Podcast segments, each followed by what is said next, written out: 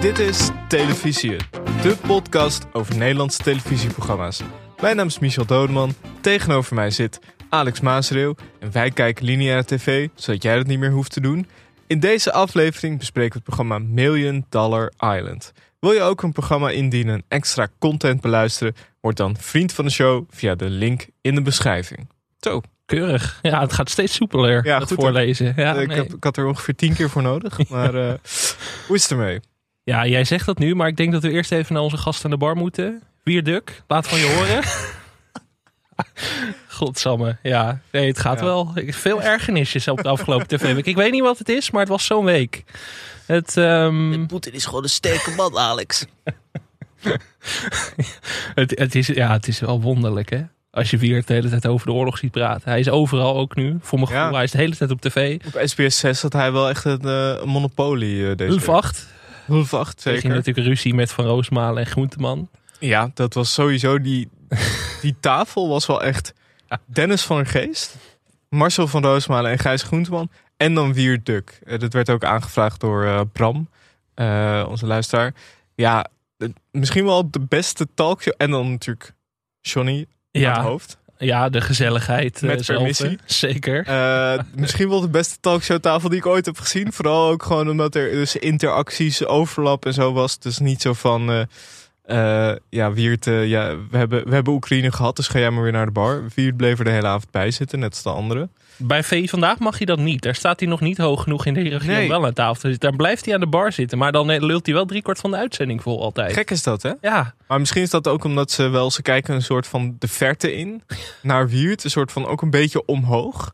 Eh, en soort stuurman in de mist ja, of zo. en dat past ook wel bij zijn rol inderdaad in het programma. De, de Maar- leidende rol. wat ik zo gek vind aan Weert. Hij, kijk, daar kan hij op zichzelf niks aan doen. En inhoudelijk, dat laten we lekker aan andere analisten. Maar hij, hij heeft altijd een soort natuurlijke glimlach als hij aan het praten is. Hmm. Maar dat, gaat, dat werkt heel slecht in mijn hoofd als het dan zeg maar alleen maar ellende is. Dus Ja. dat, dat werkt niet samen.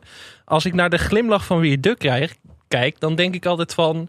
Nou, derde wereldoorlog, best gezellig, Het weet is allemaal wel. goed in de wereld, denk je dan ook. Dat is dat, maar dat correspondeert helemaal niet met wat hij aan het vertellen is. Een NAVO, eh, Poetin, eh, eh, boeken gelezen, weet je wel. Zo gaat het dan de hele tijd. En dan denk ik, ja, dat, dan, dan, ja, ik weet niet. Het heeft een soort atypische werking. Dat ik denk van, nou, ook wel leuke oorlog of zo. En dat Ja. is niet hoe het helemaal zou moeten volgens mij. Ja. Over oorlog gesproken, heb je dit afgelopen week meester Frank Visser doet uitspraak gezien? Dat heb ik gemist. Dus praat me vooral bij. Het eh, speelt zich af in Helmond en denk ik serieus wel een van de heftigste afleveringen die ik gezien heb. Kan dat nog bij de rijdende rechter? Nou, dit was wel echt. Het draaide om eh, meneer Jansen, een grote, grote kale vent die mensen zou mishandelen en uitschelden, zeiden de andere buren. En er was een ander stel, eh, Ellie en Jan, plus hun buurman John. En dat zou, ja, die zouden asociaal zijn en hem willen wegpesten. Op een gegeven moment komen ze ook bij elkaar in een soort, ja, volgens een soort kelderbox is het. En dan zijn ze eigenlijk alleen maar eh, tegen elkaar aan het schreeuwen. Meneer Jansen noemt Ellie een viswijf en dan loopt ze boos weg. Terecht ook. Er komt dan ook nog een andere buurman bij die eigenlijk niks mee te maken heeft. Die begint ook te schreeuwen tegen meneer Jansen. Ellie moet ondertussen huilen. Meneer Jansen vertelt ik vrees voor mijn leven.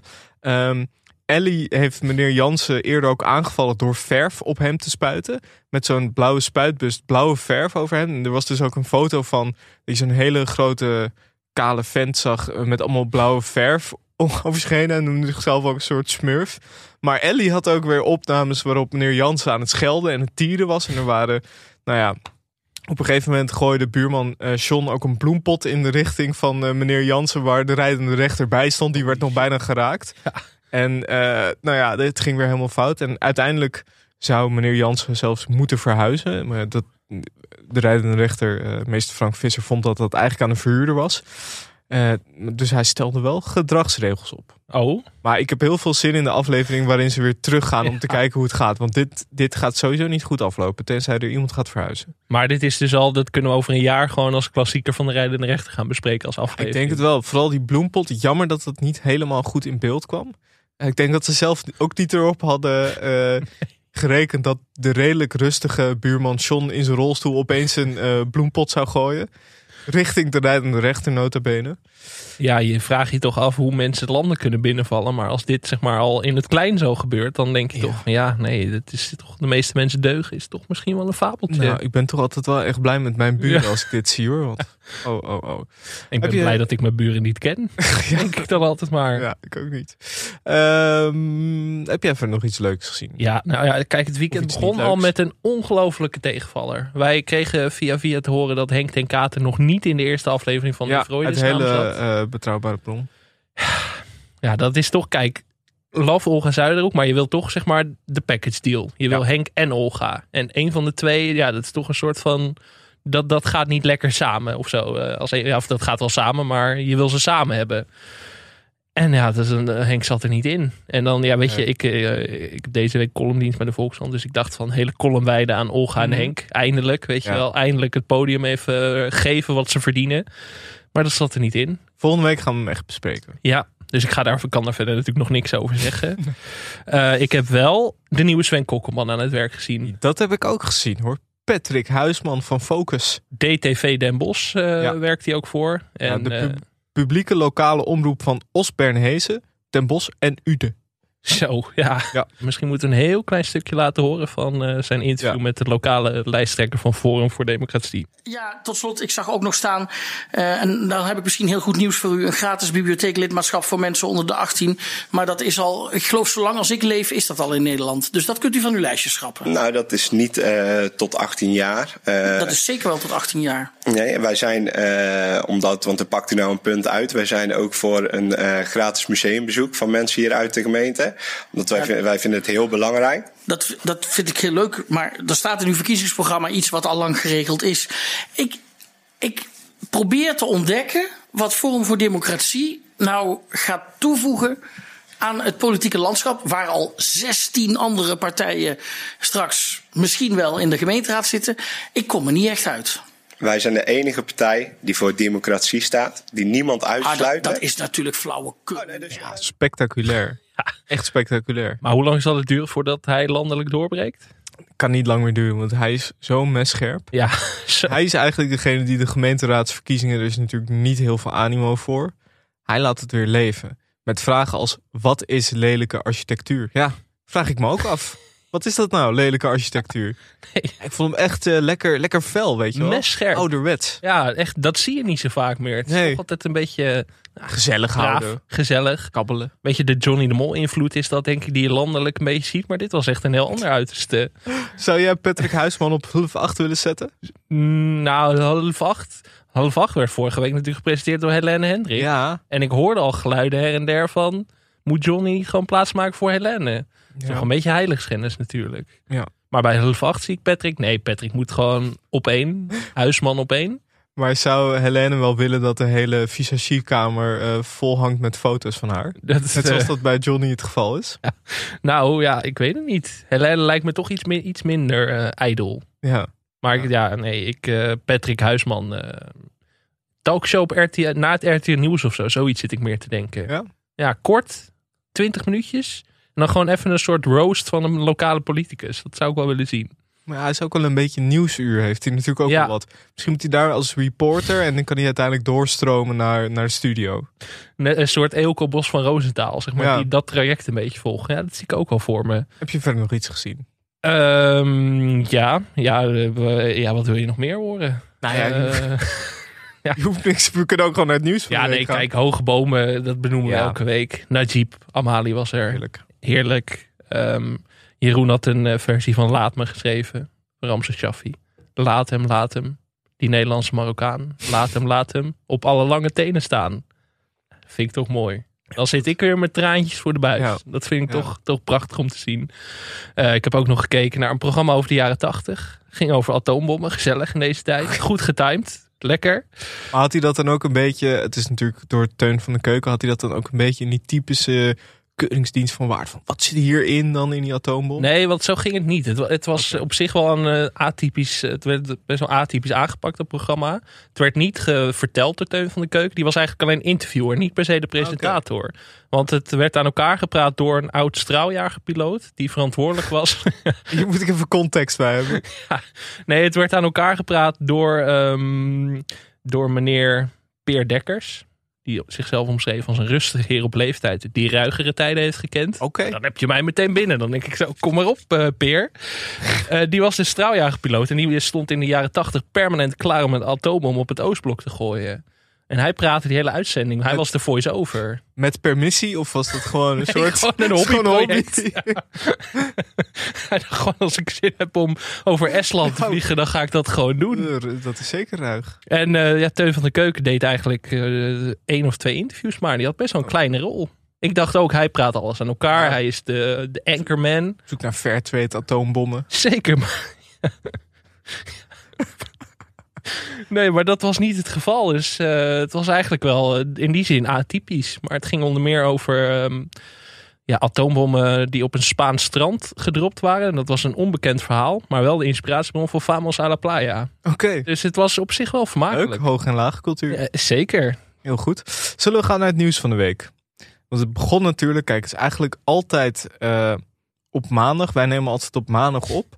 En er gebeurt dan altijd iets in de avond. Ja, ongelooflijk. Ze doen dit volgens mij ook echt puur om ons te zieken. Het is echt van kleintje pils tot aan, eh, wat, wat hebben we nog meer? Ja, half acht met Johnny de Mol, eh, Ja. die, geroost werd door Catharine Keil. Vorige week werd op maandag bekend dat er een eh, actie voor Oekraïne kwam.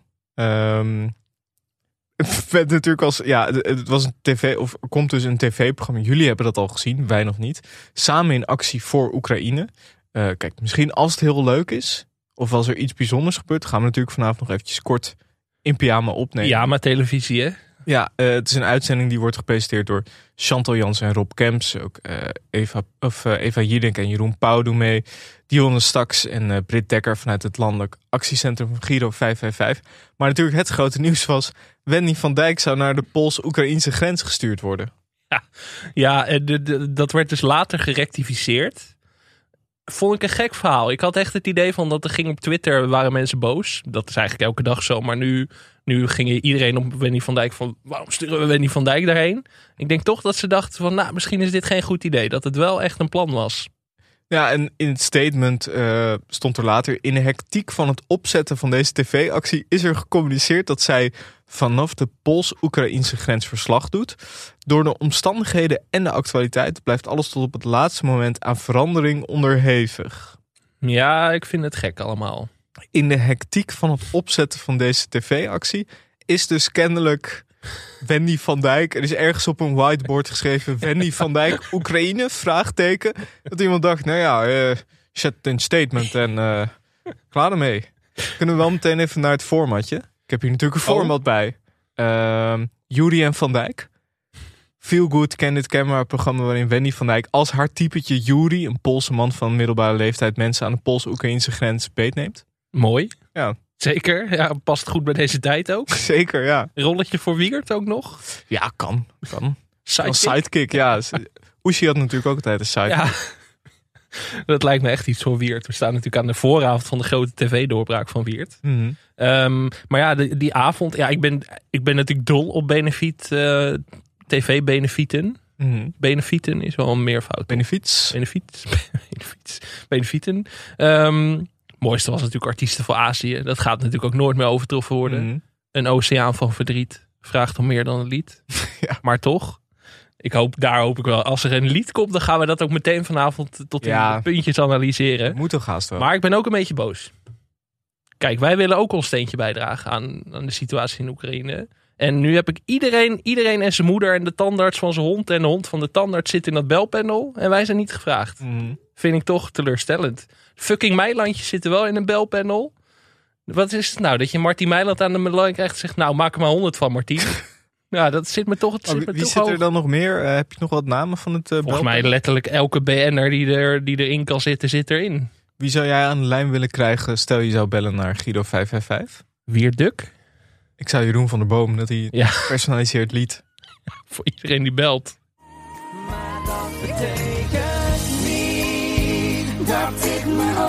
besluit voor onrecht en verdriet. Dat de wereld het maar uitzoekt zonder mij. Dat ik niet opsta, draag graag een steentje bij. En dat betekent dat ik niet door heb wat je voor ellende ziet. Deze zomer op Viaplay. Uh komt er een nieuwe editie van Celebrity Masterchef. Met toch wel een... eh, ja, ik vind het wel een leuk, leuke eh, deelnemersveld. First Dates barman Victor. Jean-Guy Macroy. Jetske van der Elsen. Fiesse Veur. En eh Amier van der Laan.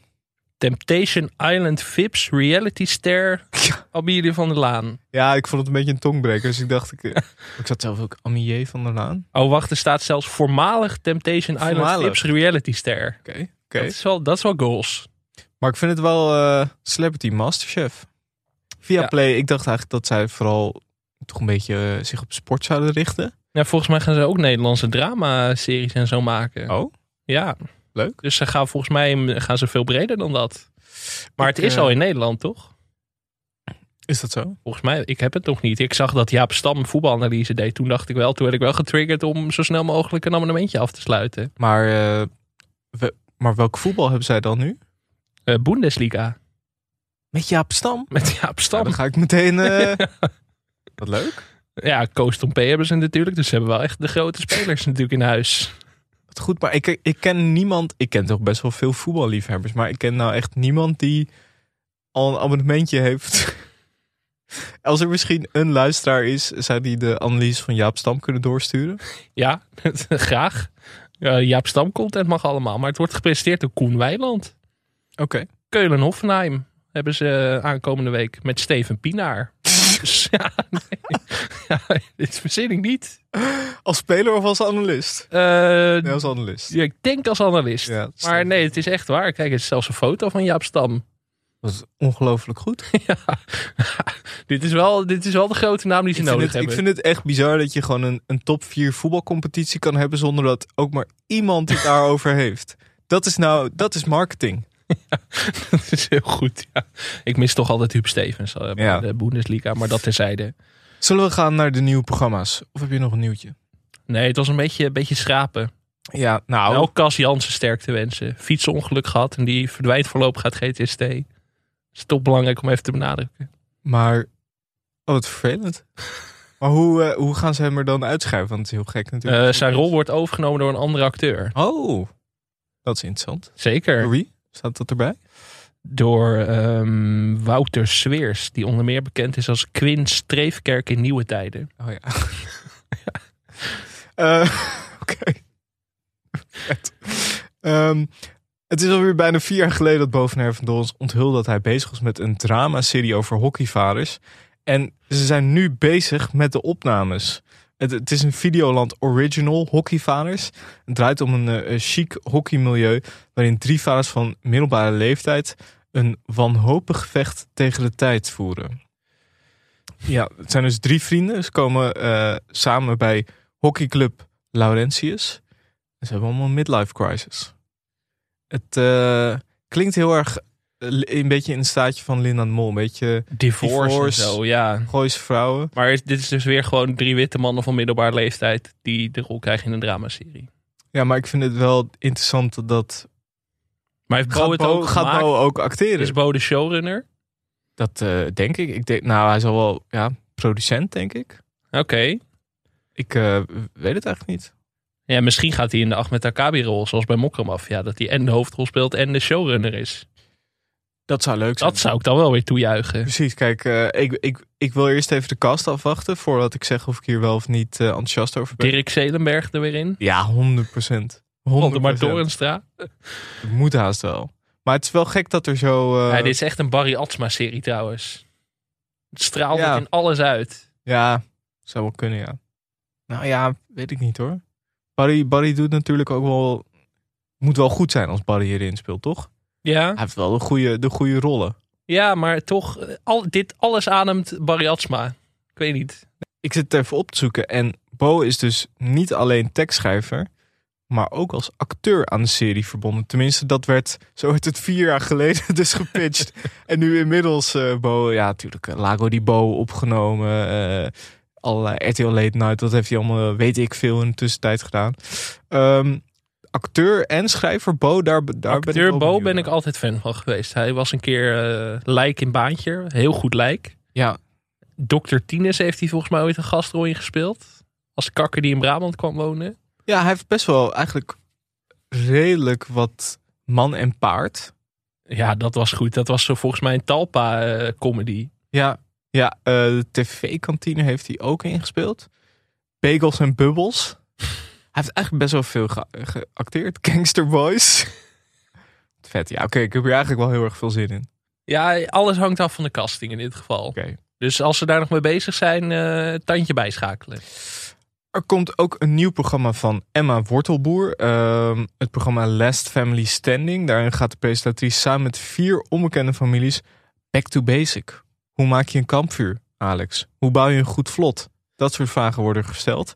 Ehm, in die, dus in dat programma gaan vier families twee weken lang, vind ik best wel kort, de ultieme uitdaging aan. Samen overleven in de wildernis van Kroatië. En ze kunnen dan eh, punten verdienen en ze moeten zorgen dat ze een eenheid vormen.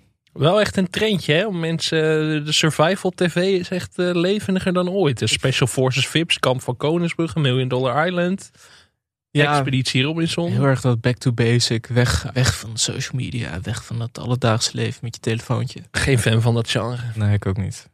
Nou ja, sommige programma's vind ik nog wel leuk. Zoals Kamp van Koningsbrug. Ja, als er geen fan van. Ik vind dat, dat vind ik nog wel aardig. Maar daar, zeg maar, als het alleen maar draait om het survival en te overleven. Ja, ik vind dan twee weken, kijk, misschien onderschat ik het. Het zal, het zal best moeilijk zijn, twee weken. Maar als kijker denk ik niet van, god, god, god, twee weken overleven. Hoe gaan ze dat doen, joh? Nee, en dan ook, ja, kun je twee weken zonder die telefoon? Ik heb het idee dat ik daar inmiddels al tien tv-programma's over heb gezien de laatste jaren. Dus Mhm. eh, dat daar, nee. Ik ben, eh, ja, er zijn weinig enthousiasmerende programma's deze week. Ja. Wat wel enthousiasmerend is, dat kregen we ook doorgestuurd van vriend van de show Charlotte. Gordon en Gerard Joling misschien een terugkeer. Eindelijk, de achtste terugkeer denk ik. Er, ging weer, eh, er werd weer een deur op een, op een kiertje gezet door Gordon in, volgens mij een YouTube-show was dat? Ja, of een podcast, eh, een van die twee. Maar ehm, de vriendschap is weer een beetje aan het herstellen. Het gaat weer goed in de band tussen de twee. En Gordon sluit een eh, terugkeer van Goor niet uit. Dan is dit echt het moment dat de contracten ook getekend moeten worden. Want Ja. je weet nooit hoe lang het gaat duren. Maar Gordon zegt wel, als het ooit nog gebeurt, is het echt het finale seizoen. Nog één keer, dan gaat hij erover nadenken. Dat is ook al acht keer gebeurd volgens mij. Maar, Zeker. Ja, ja, ja, het maakt toch nieuwsgierig. prima hoor. Gewoon lekker doen. Ehm, zullen we gaan naar het formatje? Ik heb nog een nieuw programma. heb nog een nieuw programma. Think Inside the Box. Eh, vertel. Richard Groenendijk presenteert de nieuwe spelshow Think Inside the Box. Ehm, het, ja, het is een heel gek format, maar ik ga het proberen goed uit te leggen. In de nieuwe spelshow Think Inside the Box is er een ledbox verstopt. Dit kan in binnen- en buitenland zijn. En aan de hand van aanwijzingen moeten bekende Nederlanders raden waar de box zich bevindt of welk liedje erin speelt. Zo werd het format gepitcht. In elke aflevering ontvangt Richard Groenendijk een team van drie BN'ers die gaan uitzoeken wie of wat er in de box staat. Dit kan bijvoorbeeld een gouden medaillewinnaar van de winterspelen zijn, tot het hele or- orkest van André Rieu en de helm van Max Verstappen. Wat? ja, ik snap er ook geen reet van. ik heb het echt acht keer over moeten lezen. Als ik maar deze binnen zou krijgen bij de Michel Doneman Format Academy... zou ik hem echt zoekzichtloos wegstrepen. ja, volgens mij, ja, het is dus het idee van er is een ledbox verstopt, daar staat iets in en ze moeten raden waar die box is en wat erin zit. Maar dat moet dan een gigantische box zijn. Ja, Want als, een als heel- het hele orkest van André erin staat. Ja. Maar dan is het toch helemaal niet moeilijk om dat te vinden? Ja, of het ligt op de- de bodem van de Noordzee. Niet. van Max Verstappen. Dat is toch wel een verschil. Je Maar er kan dus ook gewoon, Kjeld Nuis kan er ook in staan. nee. ja, soms denk je Wat ook, nou als ze van, hem niet vinden? Dan staat Kjeld Nuis eh, drie dagen in zo'n box ergens in de Veluwe. die staat er waarschijnlijk nu, nu al voor de opnames heel lang. Waar, waar wordt, wordt, is dit van RTL of SBS? Nee, het- natuurlijk SBS 6. Ja, het, is, het, is, eh, het kan ook een doedelzak zijn, zie ik hier. Hoe beter de BN'ers raden, hoe meer geld ze verdienen voor het publiek in de studio. Oh, de box is 5 bij 5 meter. Maar er kan ook de helm van Max Verstappen. Wat een ongelofelijke teleurstelling moet dat dan zijn. Dagenlang op zoek naar die ledbox. Je denkt, nou misschien eh, zit er wel een Olympisch kampioen in. Er zit er gewoon alleen een helm in. Of een doedelzak. Moeilijk format. Echt een moeilijk format. Ja, dit gaat... ik- Dit wordt helemaal niks. Als wij het al, als wij het al te ingewikkeld vinden. Vrijdag 6 mei. Elke avond, elke week eh, half negen op SBS 6. Jeetje. Nou, hier komen we ongetwijfeld op terug. Maar ik vond het toch te, te ingenieus om niet mee te nemen. Thinking inside the box. Ook wel een trendje, hè? Engelse titels Ja. voor programma's. Ja. Survival, wat was die van Emma Wortelboer? Survival. eh, Last Family Standing. Last Family Standing. eh, Million Dollar Island. Celebrity Masterchef. Celebrity Masterchef. Think Inside the Box. Het zijn inderdaad alleen maar eh, gek. Ja, nee, dan kan het meteen internationaal. Hockeyvaders. Zullen we gaan naar het formatje? Ja, ik heb er natuurlijk Jury en Van Dijk al gehad. Ik kan nog een andere. De Joker. Het is een, een praatprogramma waarin BN'ers, deskundigen en prominenten het hebben over actuele onderwerpen. Maar één van hen is de Joker. Diegene krijgt van tevoren eh, bepaalde opdrachten mee en moet dus ook bepaalde uitspraken doen. Eh, bijvoorbeeld dan zit je bij shownieuws en dan moet je aan victim blaming doen of zo. Maar ja, achteraf moeten dus mensen bedenken, ontdekken ze wie die avond de Joker is. Nog een keer. Word je hem echt zo ingewikkeld? ik ben nog steeds in de war door inside, Think Ja. Inside the Box. Dit is toch heel goed. Je hebt een talkshow. Je hebt, ik, bevoel, ik noem maar wat. Dennis van der Geest, Wiert Duk, Marcel van Roosmalen en Gijs Groenteman. En één iemand is... Nee? Ja. Ja, nee, ja, kijk, je hebt nu, je hebt nu Think Inside the Box gehad. Dan, dan verwacht je meer, meer spektakel. Nee, nee, het kan wel wat zijn. Nou, tegenvallend. We kregen gelukkig ook nog eentje binnen van eh, Mark, Mark Herzog. Ehm, hij zei, ik zal ook eens een poging wagen om lid te worden van de Michel Dodeman Format Academy. Altijd eh, welkom voor eh, 1900 euro per jaar. Weliswaar met het voorzetje over oud geld, nieuw geld. Het is een sitcom genaamd Voor een kwartje geboren. Eh, het gaat om Brechtje, Noortje Harlaar en Diederik, Barry Atsma, die samenwonen in een rijtjeshuis in Hilversum. Zij is secretaresse op het vastgoedbedrijf van haar vader, Harry, Jack Woutse, en dus nieuw geld. En hij is journalist, tot grote tegenzin van zijn vader Jan Kees, Pierre Bokma, die hem liever in het advocatenkantoor van de familie had opgenomen. De ouders kunnen elkaar niet luchten of zien, maar moeten doen alsof, omdat ze semi-familie zijn geworden.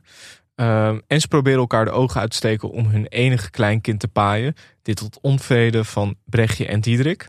En als klap op de vuurpijl, de moeder van Diederik, Simone Kleinsma, probeert de boel een beetje op te lappen, maar veroorzaakt eerder meer eh, dan minder spanning. Ja, heel goed. Lekker uitgebreid. Heel Eh, gedetailleerd, over elk detail nagedacht. Ja, Pierre Bokma, Jack Mark. Wouters en Simone Kleins. Maar dan heb je mij wel echt binnen. Ja, vraag me natuurlijk wel af hoe gaan we dit budgetair doen. Maar goed, dat is iets Zeker. voor de producenten. Missen eigenlijk alleen Kees Prins nog. Dan is Mhm. het hele... En Steve Kuipers natuurlijk. Maar Ja. dat staat buiten kijf. En dan heb je iedereen wel... eh, ja. Ja. Kijk, het wordt moeilijk om hier een wapenhandelaar in te krijgen. Maar goed, eh, leuk, heel leuk. Goed, eh, dankjewel Mark. We kregen nog twee formatjes binnen in de mail. Ik had de mail al een tijdje niet geopend. Dus eh, het is een maand, maand nadat ze gemaild hebben... Eindelijk krijgen ze de Ja. erkenning die ze verdienen. Waaronder vriend van de show Jeroen van Uden. Die kwam met de vijf stappen spelshow. Dat, dat klinkt veelbelovend, toch? Als ik jouw gezicht zie, dan zie je meteen van dit, dit is een format wat Dit mij kunnen titel. bekoren. Eh, ben jij bekend met het concept Six Degrees of Separation? Ja, met de, met de handen schudden. Ja, de hypothese dat elke persoon op deze aarde via een netwerk van zes niveaus met een andere persoon verbonden is. Wij zijn zes handdrukken verwijderd van Ron Brandsteder bijvoorbeeld. Wie duk. denk ik. En hij heeft dus, Jeroen heeft een, eh, een format bedacht eh, met drie rondes. Zal ik de rondes eventjes afgaan om te, te schetsen waar het allemaal om gaat? In ronde 1 krijgen vier kandidaten de naam van een bekende Nederlander en moeten ze een relatielijn maken naar de BN'er. Ja, dit is nu al heel goed. De eerste drie die dat lukt, gaan door. Ronde 2. Er komen twee mensen op het podium waarbij ze door middel van vragen, internet, zo snel mogelijk de relatielijn moeten ontdekken.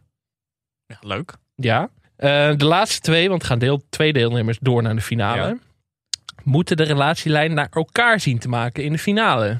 Om het extra spannend te maken. Degene die het als eerste lukt, wint. Ja, oké. Zit er al wat in, hè? Ja. Maar is het niet naar elkaar? Aan het eind, ja. Maar is het niet leuker... Ik vind dat idee van, zeg maar, die een paar handdrukken verwijderd van die BN'er. Daar, daar zit al wat in. Ja, er zit, in deze pitch zit wel wat. Dus ik zou je Ja, het toch... zit- zit eh, echt zeker wel wat in. Ja, Ja, ik vind wel het een wel... gratis cursus aan Zeker. de Format Ja, ik Academy. vind het ja, dat is wel heel leuk. Ik vind ook de titel goed. Prima. We kregen er ook nog eentje van Wilco Horsman. Ook al enige tijd geleden. Sorry Wilco. Eh dat is mijn schuld. Maar goed format. Echt heel goed. Ja. Geachte heer Dodeman. Dat is al, dat is al lekker paaien, hè? Ja, dan ben je meteen binnen. Dat is goed zeg. Bij deze mijn auditie voor de Michel Dodeman Format Academy. Ja. Het format is getiteld Hot Take Takema. In dit format nemen Harry Mens, Willem van Hanegem en natuurlijk Taka, Take Takema. Nee. In dit format nemen Harry Mens, Willem van Hanegem en natuurlijk Take Takema de heetste takes uit de sportcolumns die deze week in de kranten zijn verschenen door. Na afloop van de discussie neemt Take Takema om onbegrijpelijke redenen een strafcorner op Julio van waterontharden.nl om te bepalen of de take inderdaad heet genoeg was of niet. Ja, Dit is een hoor. dit is hem hè? Dit is fantastisch. Het enige wat ik nog zou veranderen is titel. Hot Take Takema zou ik zeggen. Hot Take Takema. Ja, Hot Take Takema, Hot Take Takema. Maar dat klinkt als een soort pornofilm. Take Takema zou ook gewoon kunnen. Klinkt ook als een pornofilm. Ja, dit is, eh, dit is echt fantastisch. Ja, we hebben nog meer formatjes binnengekregen. Ehm, daar gaan we het volgende week over hebben. Want Ja. eh, jij moet dit ook verwerken natuurlijk. Dus al die mensen die nu zitten wachten, wordt mijn format besproken? Het niveau komt elke keer hoog te liggen. Kijk, Ja. ik, ik probeer elke week gewoon wel twee te knallen. Maar ik moet tegelijkertijd ook al die inzendingen lezen Ja. en zo. Dus mijn eigen formatje, eh, de Joker. Ja. Nou, ik vind Hot Take Takema al veel beter. En die Nee, vijf klopt. stappen eigenlijk ook. Nee, het klopt. Dat nummer, dat wil ik zeggen. Van, ik Ja. heb de mensen opgeleid. Eh, Ze, gaan nu, ze stijgen nu eh, naar de troon natuurlijk zelf. ja, hè? ik ben, ik ben een beetje Marcelo Bielsa, die dan allemaal trainers om zich heeft die eigenlijk beter worden dan hij. ja, nee, eh, trots. Trots gewoon. En ze zijn allemaal welkom. Volgende week bespreken we nog een paar inzendingen voor de mensen die heel lang moeten wachten. Dan gaan we het nu hebben over Million Dollar Island. Hallo allemaal. Jullie hebben nog een reis van 20 uur voor de boeg. En dan stappen jullie op een boot en komen jullie hier aan. Op Million Dollar Island. Maar zoals jullie weten ontbreekt er nog één ding. Het allerbelangrijkste van dit avontuur. Zometeen gaan er dienbladen rond. En op die dienbladen staan doosjes. En in die doosjes zitten deze polsbandjes. Genummerd van 1 tot en met 100. Voor iedereen is er dus één polsbandje. En die polsbandjes die zijn 10.000 euro waard. Jullie samen zijn dus in totaal 1 miljoen euro waard. En dat is dan ook de inzet van dit spel. Zolang jij op het eiland blijft, ben je dus 10.000 euro waard. Maar als je opgeeft, zal je je bandje aan een achterblijver moeten geven. En die is dan dus 20.000 euro waard. En alleen degenen die over twee maanden nog op dit eiland zijn, krijgen de kans om deze polsbandjes om te zetten in keiharde cash. Goede reis. Oh ja, de basisvoorraad voedsel die hier op dit eiland voor jullie klaar staat, is voor de eerste drie weken. Million Dollar Island is een Nederlands programma van SBS 6. Op een onbewoond eiland moeten 100 wildvreemden twee maanden zien te overleven. Als dat lukt, kunnen ze een miljoen euro aan prijsgeld verdienen. De deelnemers beginnen namelijk allemaal met een polsbandje van 10.000 euro. Door het spelen van spellen kunnen de eilandbewoners polsbandjes winnen en verliezen. Telkens wanneer eilandbewoners vertrekken of opgeven, worden sommige kandidaten steeds rijker. De prestatie is in handen van Dennis van der Geest. Ja, Million Dollar Island. Dit is een beetje de grote nieuwe show van SBS. Het is, eh, is veel reclame voor gemaakt. Vond je? Bushokjes vol. eh, je, Ja. je ontkwam er niet aan. Nee, ik, ik vond het juist eigenlijk toen we dit aankondigden. Wanneer was dat? Een paar maanden geleden, een paar weken geleden misschien. Vond, dacht ik, nou, er is nog helemaal niet zoveel aan de hand. Maar ze hebben echt eh, het eh, marketinggeweld voor de laatste week eh, gebruikt. Dennis van de Geest was overal. Die heb ik ook overal Ja. gezien. En eh, in interviews en zo. Dus die greep ook eventjes zijn kans. Ja, en de eerste aflevering was nog niet uitgezonden. Of John de Mol had het format al verkocht aan een Amerikaanse zender, NBC. Volgens Talpa waren er ook meer geïnteresseerde zenders. Het is een soort mix van, tenminste zo werd het omschreven, Expeditie Robinson, Big Brother en The Hunger Games. Lord of the Flies kun je er ook nog wel bij zetten. Lord of the Flies ook, ja. En er is zelfs al, ook wel vrij uitzonderlijk voor een programma dat nog niet was uitgezonden, of tenminste voordat er ook maar één aflevering was geweest, werd er ook al een napraatshow aangekondigd. Million Dollar More met eh, Giel de Winter op Amazon Prime. Het is een heel eh, universum. Zeker, dat was nog niet terug te zien in de kijkcijfers. Wat waren de cijfers? 569.000. Dat is eh, niet waar ze op hoopten, denk ik. Nee. Nummer 21 in de kijkcijfer top 25. Onder WNL op zondag en VT Wonen weer verliefd op je huis. Ja. Natuurlijk door mij gepresenteerd. Ja. Ehm, ja. Nee, dus eh, dat, eh, ja. Ik, het succes is eigenlijk nu al meer achter de schermen dan voor de schermen in dat opzicht. Kan nog komen. We hebben in ieder geval gekeken naar seizoen 1, aflevering 1. Eh, het ver- vertrekpunt was de Ziggo Dome in Amsterdam. Daar kwamen de 100 deelnemers eh, bij elkaar. Zagen daar een gigantische Dennis van der Geest op een heel groot scherm. Vond ik wel goed. Kreeg toch weer meteen een beetje dansmarathon vibes. Mhm. Dat je, dat je op dat grote scherm zag. Dit is niet de laatste parallel met de dansmarathon trouwens. Nee. Ehm, de uitleg van het spel, nou, het zijn dus 100 polsbandjes. Elke is 10.000 euro eh, waard. En eh, de deelnemers kregen daar nog even in het kort in de Ziggo Dome uitgelegd wat ze precies zouden gaan doen. We zagen ook beelden van de voedselvoorraad. Dat was voor eh, eh, drie weken. En ze zitten daar twee maanden in totaal. Dat is wel even wat anders dan Last Family Standing. Ja, En ehm, nou ja, ze gaan op weg naar ehm, Manila. En vandaar gaat het verder in vliegtuigen naar een eiland in de buurt van de Filipijnen. Jong, oud, dik, dun, stad, platteland. Al dus de voice-over. Ehm, iedereen is aanwezig. En als eerste van boord kwam Bea van 71. Meteen ook wel een van de leukste personages. eh. voormalig leraar Duits. Ja. Een van de weinig leuke personages zou ik ook willen zeggen. Maar ehm, Ja? Oh, we gaan zo nog wel naar de... ik denk dat wij eh, over mening, van mening gaan verschillen over dit programma. Dat denk ik ook. Maar ik moet ook meteen zeggen dat ik een van de deelnemers ken. Oh, Dus daar kijk, zit ja, ook... ja, eh, tot zover de onafhankelijkheid van de podcast. Precies, Nee. precies. nee, maar Bea was, die stal al meteen mijn hart. Toen dacht ik, nou Ja. ja, toch wel leuk. Ja, Maar dat was voordat eh, de andere mensen eh, meer in beeld kwamen. Maar Bea, eh, Bea sprong van die boot af. En ik dacht, eh, ik was meteen wel voor Bea. ja, ik ook wel. Ja. Eh, ze hadden allemaal een eigen koffer bij zich van eh, maximaal 8 kilo. En ze kwamen aan op het eiland. Nou, we zagen allemaal kisten met bijvoorbeeld eh, potten augurken. Ehm, ja, daar begon eigenlijk de chaos al. Je hebt 100 mensen, geen uitleg. Eh, je hebt allemaal eten, houten balken om, om een eigen, ja, wat is het? Ik wilde zeggen huisje te bouwen. Nou, het zijn niet echt huisjes, krotten zijn het. Ehm, Nadia, deelnemer Nadia, stapt op een kist en probeert een soort van consensus te bereiken. Net als Fons, 53, lifestyle expert. Vond het heel fijn dat dat soort dingen er steeds bij stonden. Ja, daar was ik fan van. Dat de beroepen erbij werden gezet. Daisy, kermisexploitant. Ruud, 67, gepensioneerd boomverzorger. Daar had ik, die, die verdient een spin-off.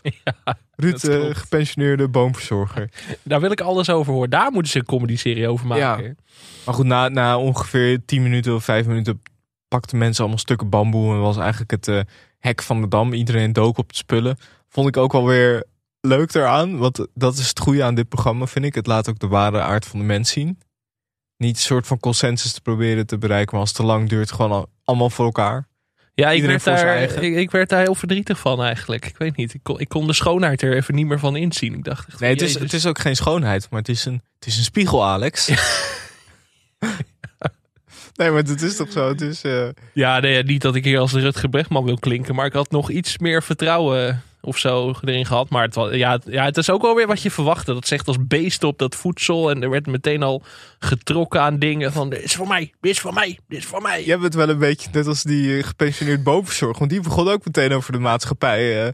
hij lijkt ook een beetje, of hij leek een beetje op eh, Johnny Kruikamp junior. Ja, dat klopt, ja. Hij zei ook van ja, kennelijk is iedereen gefixeerd op het halen van die miljoen dollar.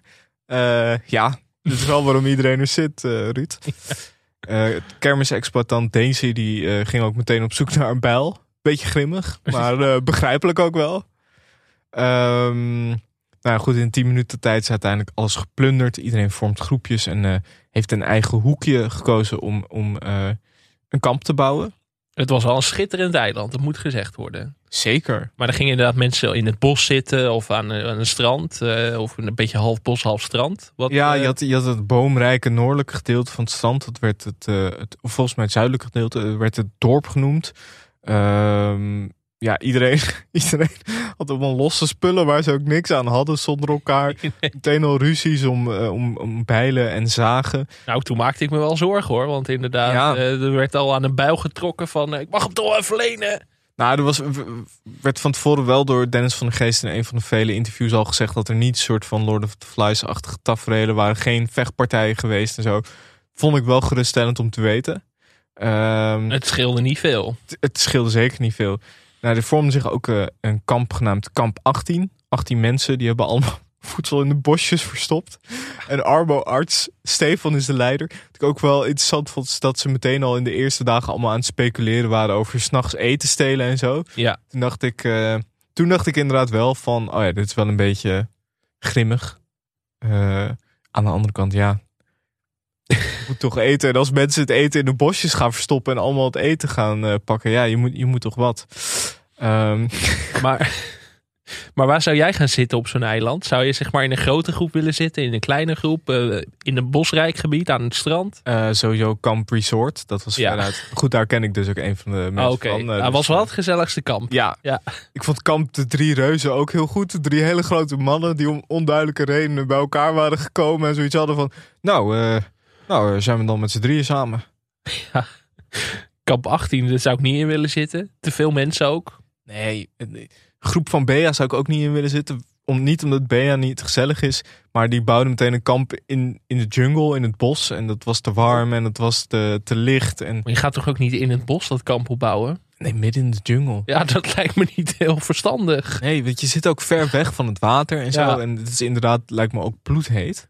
Nou ja, je had Herald, stratenmaker uit Zwolle. Die werd eh, Piet Piraat genoemd. Die zat ook in een groep van Bea, een man met een gigantisch paard. Het was wel een, een ratje toe aan interessante figuren. Ja, de scouts van dit programma die hebben zich wel weer uitgeleefd, inderdaad. Ja. Je had van alles wel wat. Het is ook veel, toch honderd mensen die je moet zoeken. Ja, Maar ik weet niet hoeveel mensen zich inschrijven voor zoiets. Maar ja, ja, ben ik ook wel benieuwd nou, of het echt tienduizenden mensen zijn. Of misschien 102 of zo. Dat is gezegd. Het is, het Ik kan, me, ik kan me wel ergens voorstellen dat, kijk, het is. ehm, omdat. Het voelt zeg maar, omdat, omdat het eten en zo er is. Het voelt wel alsof het veel meer samenwerking vereist dan bijvoorbeeld een expeditie Robinson. Waarvan ik zelf ook zou denken, daar ga ik echt nooit aan meedoen. Dus ik kan me voorstellen, en dit gaat natuurlijk ook om, om een miljoen dollar. Eh, dollar ook, vind ik ook zo gek daaraan. ja, Moet je helemaal gaan omrekenen Ja. thuis. Van hoeveel heb je nou? Nou ja, 1 miljoen, komma. Nou ja. maar is dat ook echt zo? Want volgens mij is de dollarkoers ligt nu hoger dan die van de euro. Dat is gunstig. Ja. Hou je mensen gekeken en dan weet je dat soort dingen. Stel je voor dat het 1 miljoen roebels zou zijn. Maar dan is dat misschien 9 ton of zo in euro's. Dat maakt dan de belofte niet waar. Mijn, mijn hoofd was echt even aan het kraken. Ja, maar krijg je het Een omgerekend soort in... een- leegte op dat Ja. gezicht. Of van, nope. Nee, maar ik zat te denken, krijg je... Ja, je krijgt het in euro's. Ja, maar dan krijg je dus geen miljoen. Of hoe werkt dat dan? Ja, maar of, of krijgen ze wel gewoon een miljoen euro... en hebben ze al een voors- voorschot genomen. Dachten ze gewoon 1 miljoen euro's. Vind ik niet lekker. 1 million euro island. Nee, eigenlijk best wel... Ik heb er helemaal niet zo over nagedacht. Maar krijgen ze het in... Krijgen ze 1 miljoen dollar of Ja, 1 dat, dat euro? vind ik dus gek. Want die man zei ook eerder een, een Ja, miljoen, dollar. Maar het is toch heel gek omdat... Je krijgt het in euro's. Ja, dan moet- tenzij je krijgen naar... ze wel echt een miljoen dollar. Moeten ze dat allemaal inderdaad gaan wisselen bij zo'n wisselkantoor. Moeten ze allemaal naar Schiphol toe? maar dat vond ik zo gek. Want elke spelregel werd echt 18 keer uitgelegd. Die fucking polsbandjes. Die, die, die spookten op mijn hoofd vannacht toen ik lag te slapen. Omdat dat echt 48 keer werd toegelicht wat die polsbandjes betekenen. Terwijl het heel makkelijk was uit te leggen. Maar hoe dat nou zat met, met, die, met die valuta. Dat was eigenlijk de enige relevante vraag van het hele programma. 919.000 euro is het. Ja, maar dat slaat dan toch nergens op? Noem het dan 919.000 euro island.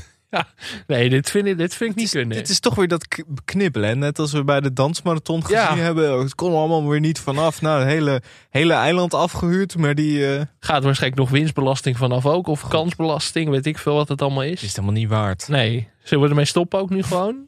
Boycotten? Eh, er is god. ook een, een, een moestuin met onder meer ananassen.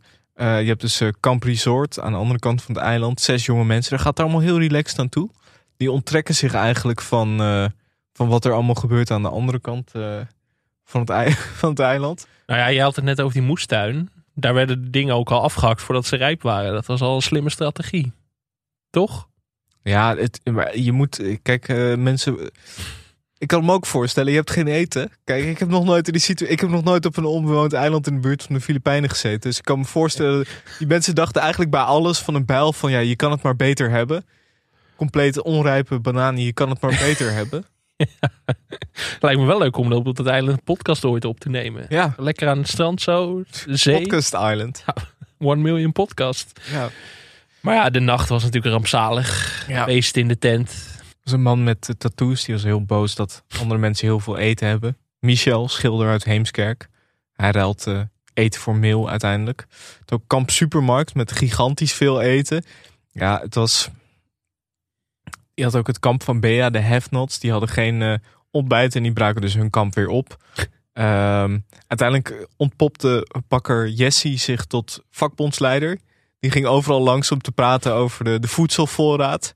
Ehm, ja, ik vond het wel een grappig onderdeel dat soort van dat iedereen pakte eigenlijk maar wat en toen later moest er dan consensus bereikt worden over van eh, ja moeten we dit eigenlijk niet verdelen? Ik denk dat mensen zich toen ook misschien realiseerden van oh ja we zijn ook op tv en misschien ook wat delen of zo voordat deze mensen allemaal verhongeren. Nou, dat ging ook niet van harte, hè? Nee, god, god. Ja, want oh nee, Wesley heette die geloof ik, eh, die bakker. Die had dus alle leiders van de kampen bij elkaar geroepen. Het was een soort agora. Het voelde als een soort oud Griekenland. eh het gaat allemaal moeizaam. Nou, iedereen moest uiteindelijk zijn eten naar het dorp brengen. Maar ja, het was niet alles. Mensen hadden eten achtergehouden. Nou ja, dan moet je, moet je die schilder net hebben. Nou ja, iedereen woest natuurlijk weer.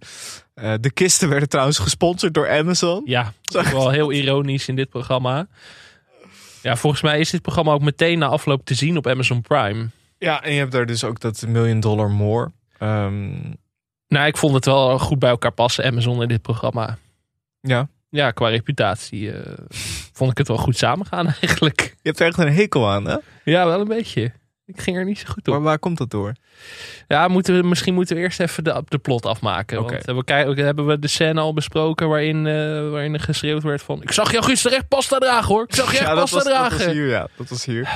Eh, ongeveer de helft van de tijd, wat mij opviel, is deelnemer Daisy, de kermisexploitant in beeld. Voelt alsof zij, zeg je ook al een beetje in de voorstukjes, nog een grotere rol gaat spelen. Daar hebben ze niet zo heel subtiel op voorgesorteerd. Nee, maar het, het was ook wel lastig. Het is ook lastig om hoofdpersonages te kiezen uit 100 mensen, lijkt me. Ja, ze, ze, ze hadden er wel dus duidelijk voor een paar gekozen, zoals Daisy en eh Bea. En eh, ja, die zullen er dan ook nog wel een tijdje in blijven, denk ik. Want de mensen die afvielen, die hadden we eigenlijk ook niet echt gezien nog. Ehm, ja, tijd naar, om naar de arena te gaan dus. Eh, daar zien we een kletsnatte Dennis. Bloedheet daar natuurlijk. Dennis, hele kleine rol. Ik had gehoopt op een veel grotere Ja, rol. dat was, ook, dat was eigenlijk de grootste teleurstelling voor mij. Ik had gehoopt op Dennis die lekker tussen die mensen heen zou banjeren. En van, hé, hey, hoe gaat het hier? Hebben jullie al pasta? Hoe gaat het met het kamp? Maar nu is het idee, Dennis ligt gewoon de hele week lekker op het strand. En Ja. ja. één keer per week met een bootje even langs. Ja, want hij zei ook, eh, nou ja, goed, er waren dus, hij vroeg, zijn er mensen die naar huis willen? Vijf mensen staken hun hand op en gaven een weg. Toen zei Dennis, nou ja, we gaan op de boot en ik zie jullie over twee dagen weer. Ja. Ik dacht, ik zie jullie over twee dagen weer. Wat ga jij dan doen? Wij willen meer Dennis. Ja. Dat was, dat was ook wat ontbrak. Dennis Ja. kan toch een beetje die menselijke factor nog ook niet de voice-over, hè? Nee, Was ook niet Dennis. nee. Dat ik dan toch denk, ja, je hebt, je hebt een Dennis van der Geest. Ja, als je zo'n kanon in huis hebt, moet je hem ook wel afvuren. Ja, zeker, ja. Maar dat deed dit programma ook weer niet. Ja, dat, dat- was eigenlijk klap na klap na klap. Goed, eh, dat was tot zover het programma. Jij was er geen fan van. Nee. Vertel. Ja, het- het was misschien ook een kwestie van timing. Want ehm, ik had ervoor net Nieuwsuur gekeken. Daar ging het over voedseltekorten in Oekraïne. En dan is de overgang naar dit programma... Dat werkt niet zo goed. Dat ging me heel erg tegenstaan. Los van het feit dat ik dit na, na de dansmarathon... Ja, kan, je dat dit, kan je dat dit programma kwalijk nemen? Want dat is eigenlijk een beetje met alles, toch? Ik heb het ook Ja. wel als ik naar, eerst naar het nieuws zit te kijken... en dan naar de Eredivisie ga kijken. Ja, maar ik, ja, ik vond het gewoon een beetje lelijk of zo. Maar dat had ik in elke context al gevonden. Nu was het gewoon qua timing. Dat was meer omdat ik dat al keek. En ik neem aan dat de gemiddelde Million Dollar Island kijker niet eens naar Nieuwsuur kijkt. Lijken me niet per se eh, gedeelde doelgroepen. Maar ja, ik vind het gewoon zo lelijk om dan weer vaak wat lager opgeleide mensen dan weer op zo'n eiland te zien, zien, zien worstelen en geëxploiteerd te zien worden voor een miljoen euro. Worden ze geëxploiteerd? Mm, vind wel een beetje niet, toch? Ja, ben ik, het, nou, ben ik het niet mee eens. Je, je, je meldt je toch zelf aan. Ze kunnen, het is toch niet Ja. dat ze gedwongen worden om mee te doen. En die hebt toch ook niet. Het is toch ook niet heel erg dat je denkt van, nou wat een gekkies allemaal. Toch? Ik vond het echt wel meevallen. Ja, Dat maar dat wordt wel door de editors natuurlijk uit, uitvergroot. Dat zo'n, dat zo'n, wat was het, een stratenmaker of zo dan weer zo heel slecht uitkomt van eh, dat hij gaat schelden en zo. Ja, nee, je meldt jezelf Enkhu- aan. Dit is de Enkhuizenaar in jou die naar boven komt. En die vindt de onderdrukte Enkhuizenaar. Ja. Nee, maar, ja, maar dat... Ja, ik snap ergens wat je bedoelt. Maar ja, ik geloof echt niet in dat... Het, ja, ik vond, het, ik vond het wel meevallen. Maar dat is toch... Je gaat toch altijd op zoek naar een beetje de wat opvallende, excentrieke figuren. En dat is toch niet, Ja, is toch nee, maar niet normaal, negatief per se. normaal kan ik dat ook wel goed hebben, maar het ging me hier heel erg snel tegenstaan. Dat ze gingen vechten om dat eten, dat vond ik al. Toen was ik er eigenlijk al meteen klaar mee. En dat, dat heb ik eigenlijk nooit gehad. Maar ja, ik vind het ook lastig om te zeggen. Want normaal vind ik het altijd leuk om dit soort programma's te bespreken. Maar het ging me zo snel tegenstaan en ik werd er heel cynisch van. Ik denk van, ja, godsamme, dan, dan, dan, dan zit zo'n John de Mol dat weer allemaal te bedenken. En dan, dan gaan mensen elkaar straks, nou, ze gaan blijkbaar niet vechten. Maar dat was eigenlijk nog, dat, dat scheelde niet veel meer om dan maar wat geld bij elkaar te verdienen. En ik, ja, ik vond het allemaal gewoon, ik vond het gewoon lelijk. Ik weet niet wat het was, maar ik kon me er gewoon ook niet meer, na dat, na dat gezeur over dat eten, was ik er eigenlijk gewoon meteen klaar mee. Ik weet niet wat het was. Dat had ik met de dansmarathon, was iedereen, iedereen woedend. En toen zaten wij nog zo van, mensen melden zich gewoon zelf aan. En dat is hier natuurlijk ook wel zo, maar... Ik heb het hier juist minder dan bij de dansmarathon. Eigenlijk. En ik vond, ik, ik snap wel wat je bedoelt. Ik vond ook dat. Ik vond het. eh, ik, eh, ik, ik vond er, vond er niet zoveel van. Nee, ik, ik vond het ook niet allemaal dat ik dacht van. Nou, wat een goed programma of zo. En ik vond het ook niet heel interessant. Eh, maar ik vond sommige aspecten ervan wel op zich. Ik vond op zich dat hele maken van kampen om te zien hoe mensen groepjes maken. Nou is dat natuurlijk niet zo nieuw, maar ik vond het wel leuk dat het zoveel mensen waren. Normaal bij zo'n expeditie in Robinson zijn natuurlijk best wel weinig mensen en dan gaan ze een beetje bondjes sluiten. Maar ik vond het heel interessant om te zien dat je nu echt kampen kreeg van echt 18, 20 man. Ik vond ook wel, ik, ik, ik, ik trek gewoon heel slecht allemaal van die discussies en dat mensen door elkaar gaan schreeuwen en zo. Ja, dat, dat Ehm. stond me dus ook eigenlijk al een beetje tegen. Ja, dat stond mij ook wel tegen. En dat, dat hoopte zich gewoon op bij mij. En toen kon ik het programma niet meer waarderen voor wat het was. Dat was het misschien meer. Maar wat, wat meer een beetje mijn punt is om vooruit te blikken op de rest van het programma. Ik denk dat ik dit de interessantste aflevering vond. Oké. Nee, maar serieus, omdat Ja. dit is zeg maar. Dit is eigenlijk een beetje waar je benieuwd naar bent, toch? Mhm. Van hoe gaan die kampen zich? Wie, wie gaan er samen? Hoe verdelen ze dat eten en zo? Dat is eigenlijk het interessante. Ja, Het is niet dat ik denk van ik ben heel benieuwd nu wie er eh, of Bea het gaat halen. ja, klopt. Maar daar ging het dus ook een beetje mis voor mij. Omdat ik het meteen zo, dat iedereen voor zich ging. En meteen zeg maar dat gevecht om die bijl. En van, ik zag jou wel met pasta lopen. Het was gewoon mis- misschien meer dat ik nog een soort laatste restje hoop voor de mensen had. Dat ik denk van ja, ik zou waarschijnlijk ook inderdaad gewoon een pak pasta jatten en wegrennen. het is meer, misschien werd ik geconfronteerd met mijn eigen eh, tekorten of zo. En dat dit een soort representatie daarvan was. Ja, misschien wel. Maar had je iets anders verwacht van tevoren? Mm, Had je nee. verwacht dat het heel vredig? Dat had, dat had, ik was namelijk niet verbaasd of zo.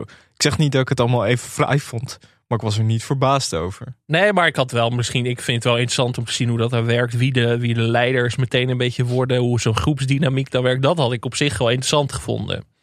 Een beetje, ja, ja, wat je altijd ziet in dat soort, dat iemand zeg maar echt een volger is of echt een leider. Wie als eerste afhaakt of wie er echt zwaar doorheen zit. Maar dat vond ik een beetje, dat kwam er niet helemaal lekker uit uit deze aflevering. Eh, Ja? Nee? Vond ik. Nou, want ook die mensen die meteen naar huis wilden, die kregen dan heel even 20 seconden zendtijd. En ik denk van, ik had liever willen zien hoe je zeg maar mentaal dat een beetje eh, trekt. En er was vooral, ja, dat snap maar- ik ook wel, omdat het een SBS-programma is en omdat dat gewoon spraakmakend is, dat je meer op de. Maar dan wordt het gaat dan ook niet juist wat meer... eh, ik zou juist denken, wordt het dan niet wat meer exploitatie? Als je heel erg op bijvoorbeeld... eh, die was een man, zijn dochter was overleden. Eh, ik zat te denken van... juist als je daar een soort van heel erg op in zou spelen, dan zou, dan zou ik me heel ongemakkelijk voelen om er naar te kijken. Ja, ja dat is Dat- dan ook dat- wel een daar zou voorbeeld. ik ja. minder graag juist, ik zou minder graag kijken naar mensen die lijden dan mensen die gewoon een beetje bekvechten over eten. Ja, dat is ook niet vrij, maar dat doet me niet zoveel. Nee, dus eigenlijk zit het gewoon toch een beetje in de kern van het programma opgesloten, toch? Ja, ik vind het bij BN'ers dus ook veel minder erg om ze straks honger te zien lijden of zo. Dat, dat, dan vind ik het toch een ander verhaal dan inderdaad gepensioneerde mensen of zo. Die... Of het werd gewoon niet duidelijk genoeg gemaakt waarom die mensen er waren. Ja, Dat, was, dat is misschien mijn hele punt. Want nu had ik het idee, ja, ze komen voor het geld en dan hebben ze geen idee wat de consequenties daarvan een beetje gaan zijn.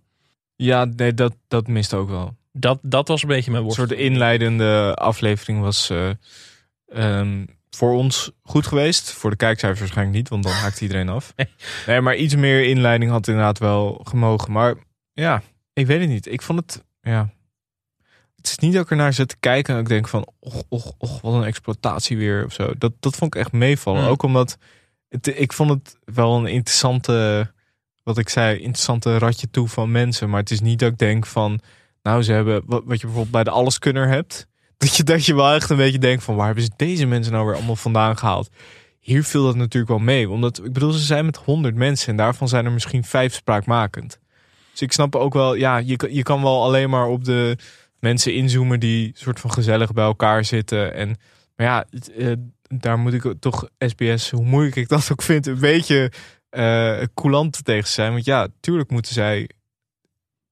Er kijken al niet zoveel mensen, Alex. Nee. Moet je toch een beetje iets spraakmakends hebben. En Misschien was het ook gewoon de timing. Of zo. Ik, ik, ik weet niet. Ik zat er gewoon op dit moment even niet op te wachten om mensen elkaar een eiland af zien vechten of zo. Terwijl ik normaal helemaal niet gevoelig ben voor nieuws of zo. Maar het was gewoon de combinatie daarvan werkte voor mij even niet. ja, zullen we het dan maar hebben over Dennis van der Geest? Graag. Ja, maar dat, dat was ook natuurlijk een teleurstelling. Want je verwacht dan nog. Dennis heeft wel die empathie, die kan goed met mensen praten en een beetje dat gevoel losmaken. En daar hoopte ik wel op. Van even een persoonlijk gesprekje onder de palmboom. Zeker. Dat zat er gewoon niet in. Dennis van der Geest, ja, wat kunnen we nog over hem zeggen? Hij nam deel aan 71 graden Noord, Ranking the Stars. Op zoek naar God. Sterkste man van Nederland. Ehm, diverse Strongman Champions League wedstrijden. Wat zou jij doen met die poen? Ja, eh scheidsrechter in de jongens tegen de meisjes. Rot op naar je eigen land en rot op eh, met je milieu. Zo. Fort Oranje, Camping of Krottenwijk. Ponje met de buren samen met Leontien Bos- Borsato. Een multitalent. Hij maakte ook dat programma De Wereld Rond met 80-jarigen. Wat ik Ja. echt een, wel een leuk programma vond. Zeker. Maar daarin kwam zijn kwaliteit heel erg naar voren. Dat hij wel... Ik vind Dennis altijd goed in een beetje dat smalltalk. Dat heeft hij wel goed in de vingers. Ja, maar Dennis moet ook wel een beetje, een beetje ravotten met de mensen, weet je wel. Gewoon eh inhoudgreep met Dennis van de Geest. Maar dat, dat had ik ook liever gezien in Million Dollar Island. Dat iemand gewoon even in die hout greep. Even dat, dat, dat Dennis hem zo past. Even over zijn Ja. bolletje uit. Eh, kom op nou jongen. Ja, het is een be- een beetje net als Hans K. junior, toch? Je moet hem lekker de wei in zien. Ja, Hij heeft trouwens ook als DJ samengewerkt met Ronald Molendijk onder de naam Ippon. Wist je dat? ik wist wel dat hij DJ was. Maar niet samen met Ronald Molendijk. Ja. Eh, hij heeft ook al sinds 2012, al tien jaar, een eh, maandelijks terugkerende podcast. Oh, Sounds from the Loft. zo. Ja. Nou, eh, pionier bijna wel. Ja, Voordat podcast cool werd, had Dennis er al een. ik vind eh, rot op met je eigen of rot op met je milieu. Ik noemde hem net al. Ook fascinerend programma dat hij gedaan heeft. Zes mensen met zeer uiteenlopende meningen over het milieu worden geconfronteerd met elkaars daaruit voortvloeiende gedrag. Terwijl ze twee weken lang samen doorbrengen in een huis in IJmuiden. ja, dit is een formatje hoor. IJmuiden, ja. Eerlijk. Ja. Ja, er wordt ook wat verzonnen. Maar ik heb toch het idee dat de echte Dennis show er nog steeds niet is. Nee. Ik er, zou, er zit altijd nog meer in dat vat. ik zou hem wel echt, echt zo'n zo'n grote spelshow willen doen. Ja, wat erop Kems een beetje met de wheel, zoiets. Ja, maar echt dat hij echt in het middelpunt staat. Gewoon. eh, maar ja, ik, vond- ik vond hem ook wel als de presentator van Sterkste Man van Nederland. Dat vond ik ook heel goed. Zeg maar dat. Ik zou hem ook wel wat meer in de sportcontext willen zien. Kijk, we hebben nu eh, natuurlijk met de winterspelen steeds Erbe Wennemars gezien. Zomerspelen Dennis van der Geest. Laat hem maar lekker lopen langs die matten. Hè? En we praten met de mensen. Ja, dat, zou, dat zie ik wel voor me. Ja, misschien Henk Grul als sidekick dan of zo erbij. Ja, leuk. Dat zou ik zien zitten, maar... Dat is gewoon iedereen die langskomt. Niemand komt er langs, want zij gaan er gewoon voor staan. Van, hey, eh, Foxpopjes met Dennis zou ik ook leuk vinden. Ja, ja. Hij- hij- volgens mij kan Dennis wel op alle lagen van de samenleving ook goed meepraten. Ja. Dus nee, ik ben, ik ben wel echt fan. Ik zat te kijken op zijn Instagram en ik vond daar ook maar liefst 12 posts over het programma. Met, eh, ja, dat, dat was echt goed. Ik kreeg er toen echt zin in. Met zinnen als, deze gezellige Island Boy kan niet wachten tot vanavond half tien voor de aftrap van hashtag Million Dollar Island. Deze gezet, maar dan had hij het over zichzelf? Ja. ja, lekker. Ja, dat dat eten. Ja. Daisy ging voor een pijl. Wat zou het eerste zijn dat jij zou pakken om te overleven? Hashtag Million Dollar Island. In een interview, volgens mij was met Panorama, zei hij ook... door dit programma krijg je een positiever beeld van de mensheid. Dat weet ik zeker. Dus dat belooft misschien veel goed voor de toekomstige afleveringen. Dennis, eh nat geregende Dennis. Het regent ook wel eens op het tropisch eiland. Hashtag Million Dollar Island. ja, ja. De eerste keer dat ik op een bootje stapte en dit zag. Een onbewoond eiland. 100 kandidaten die elkaar niet kennen. Twee maanden overleven. Hashtag Million Dollar Island. De hashtag policy is goed in orde bij Dennis. Zondag 6 maart. Million Dollar Island. Half tien. At SBS 6. Hashtag Million Dollar Island. Maar eh, ja, ik heb wel echt een groot zwak voor Dennis. Want het is ook niet zo...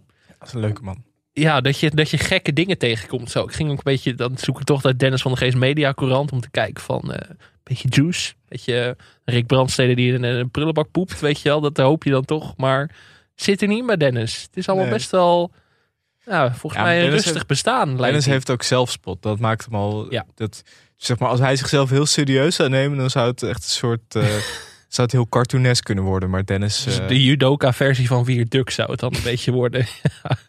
het zit in je hoofd, hè, Ja, het- komt er ook voorlopig niet meer uit, vrees ik. Zet Wiert op zijn eiland, dat zou ik nou leuk vinden. Ja, Dennis van der Geest, het, eh, het fenomeen. Het was voor jou dus geen. eh, Maar dat is ook wel eens leuk, want we zijn het eigenlijk al 80 afleveringen ook met elkaar eens. Nou ja, ik, ik ga ook niet per se. Nu lijkt het alsof ik er heel eh, enthousiast over ben of zo. Kijk, ik ben gewoon wat genuanceerder. maar ik, ik vond het ook uiteindelijk tegenvallen. Als je tegen mij zegt: Dennis van der Geest, 100 mensen op een onbewoond eiland. Dan zeg ik: Count me in. Ja. Maar ik, ik, Ik ook. denk niet dat ik volgende week nog ga kijken, eerlijk gezegd. Maar ik vond het ook weer niet zo slecht. Het, ik, voel, ik had er geen naar gevoel bij. Maar goed, eh, ja, jij, jij had daarvoor naar eh, Nieuwsuur gekeken. Misschien niet de ideale warming-up. Ik zat daarvoor hier in de, in de studio met Jordi om uh, op te nemen. Kijk, dus ik kwam er helemaal anders in. Ja, Ik kwam er gezellig in. ja, het, ja Jeroen Wolla's of Jordi Amali is wel een verschil in... Ik had een chippy erbij. Gisteravond half twaalf zat ik te kijken. Nou ja, eh, ik keek, lekker een appeltje, ja, dat is keek toch- weg. Het keek gewoon weg. En, eh, nee, maar goed. eh, Million Dollar Island. Neem me nog iets mee voor het museum. Misschien gewoon Dennis van der Geest in zijn geheel. Ja, heel graag. Nee, dat vind ik een uitstekende suggestie. Ja, dat museum, vorige week hebben we het natuurlijk niet benoemd. We kregen Nee. meteen curator Frank van Nerven op ons Ja. dak. Ja, Woedend.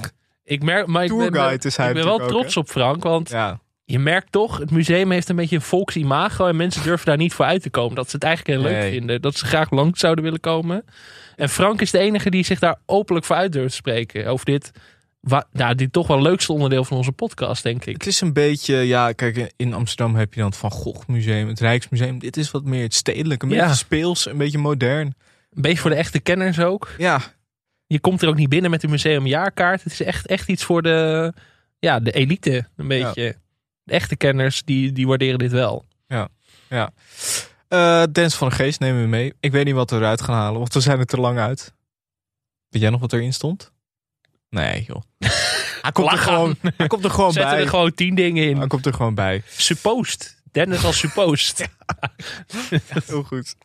Als iemand die jas van Rob Geus wil jatten, dan, eh dan Zeker. kan krijgen ze met Dennis te maken. Eh, we moeten nog even naar de luisteraarspost, want dat hebben we vorige week ook niet gedaan. Ja, we liepen zo uit dat ik dacht van, ah, luisteraarspost. Moet Frank naar onze luisteraarspost gaan luisteren?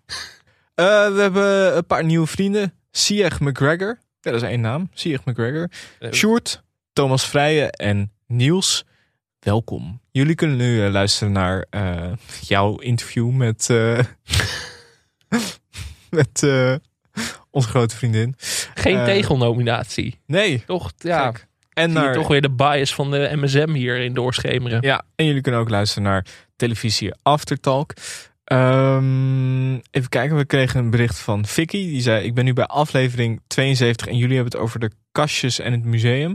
Maar waar is de GTST-samenvatting gebleven? Ik weet nog steeds niet wat Ludo met dat lijk in zijn auto heeft gedaan. ja, toen zitten we zijn er een beetje uit. Nu ben ik, ik, ik zat dit te lezen toen dacht ik, ja, ik wil eigenlijk ook al weten wat er met Ludo en dat lijk is gebeurd. Vriend van de show, Alana Jansen, heeft trouwe recaps gestuurd. Maar wij moesten een beetje kijken naar de lengte van de aflevering. En toen is dat een beetje... Ja, maar we hadden natuurlijk ook de televisier eh, vooruitblik. Ja, Misschien moeten we dat eh, volgende week weer even in ere herstellen. precies. Eh, we kregen ook een bericht van een willekeurige Bart Vriends. Eh, die, dat ging nog over Laren Blaricum. Groundhog Day in Blaricum. Dat is een programma-idee. Iemand uit Laren die s'nachts wakker wordt in Blaricum en, elke, en diezelfde dag herbeleeft. En die kan pas ontsnappen als hij alle etiketten onder de knie heeft. Ja, ik zie het wel zitten hoor. Eh, vriend Luc stuurde nog. De Gouden Loekie is gewonnen door de reclame van Albert Heijn. Je weet wel, die reclame over hamsters die elkaar eigenlijk op moeten eten. Stukje duiding van Michel. Ik heb hem herbekeken. ik zat te kijken en ik dacht, dit is eigenlijk toch wel... Destijds in de kerstaflevering eh, hebben wij hem natuurlijk besproken. En ik vind dat wij hem geen eer hebben aangedaan. Nee? Met terugwerkende kracht vond ik hem ontzettend schattig. Maar kijk, dat is nu dat is een belangrijke les uit deze aflevering. Eh, de sfeer waarin je zit, de vibe die je hebt, is belangrijk. Mhm. Eh, als je kijkt. Hier keek ik dus s'avonds naar. Ik zag die twee hams. Toen dacht ik, ja, terecht eigenlijk die gouden lookie. Ja, nee, niet, eh, inderdaad. Niets dan lof voor de, Ja. voor de hamsters van Ik ben Albert Heijn. blij dat die kruidvatreclame niet won. Die vind ik zo stom. Was dat die met André Hazes? Nee, nee, je hebt die kruidvatreclame van die vrouw met dat gezin en alles gaat heet het fout. nou, het heeft geen indruk op Nee. je gemaakt. Nee. Daar heb ik niks mee. Even kijken. En Jules stuurt, de theaters, cafés zijn weer open. Twee weken geleden was dit. Eerste televisie watch party. Nou, Ik, eh, lijkt me heel leuk om een keer live op te nemen. ja, zeker. Met vrienden erbij. Gewoon nog gezellig allemaal tv-fragmentjes kijken Ja. met z'n allen. Kroeg in Henkenhuizen. Nou, ja. Maar we moeten mensen wel ver reizen waarschijnlijk. Ja, We hebben wel wat luisteraars aan Enkhuizen, maar eh, moeten wat meer, eh, wat centraler. Centraler. Maar lijkt me leuk. ja, en als mensen er zin in hebben, laat het vooral voor je horen. Dan kunnen wij inventariseren of dat echt eh, Ja, voordat we heel carré we- afhuren. met jouw moeder en mijn vader alleen zitten. En Ook heel curator Frank van Neerven. En curator Frank van Neerven, ja. Oké, nou. Vind je deze... Ja, laat het vooral weten. Zeker. Vind je deze aflevering leuk en wil je meer van ons? Vergeet dan niet te abonneren. Laat een reactie achter op iTunes en geef ons sterren op Spotify. Je kan ook vriend van de show worden voor extra content. Dat kan op vriendvandeshow.nl slash televisiepodcast. Complimenten mogen publiekelijk gedeeld worden, maar vergeet ons niet te taggen via het televisiepod. Je kan ons ook mailen via televisiepodcast.gmail.com. Veel dank aan Dag en Nacht Media, aan Studio Cloak voor Tune en aan Valkma voor de illustratie. Wij gaan nog even door achter de betaalmuur. Tot volgende week. Tot volgende week.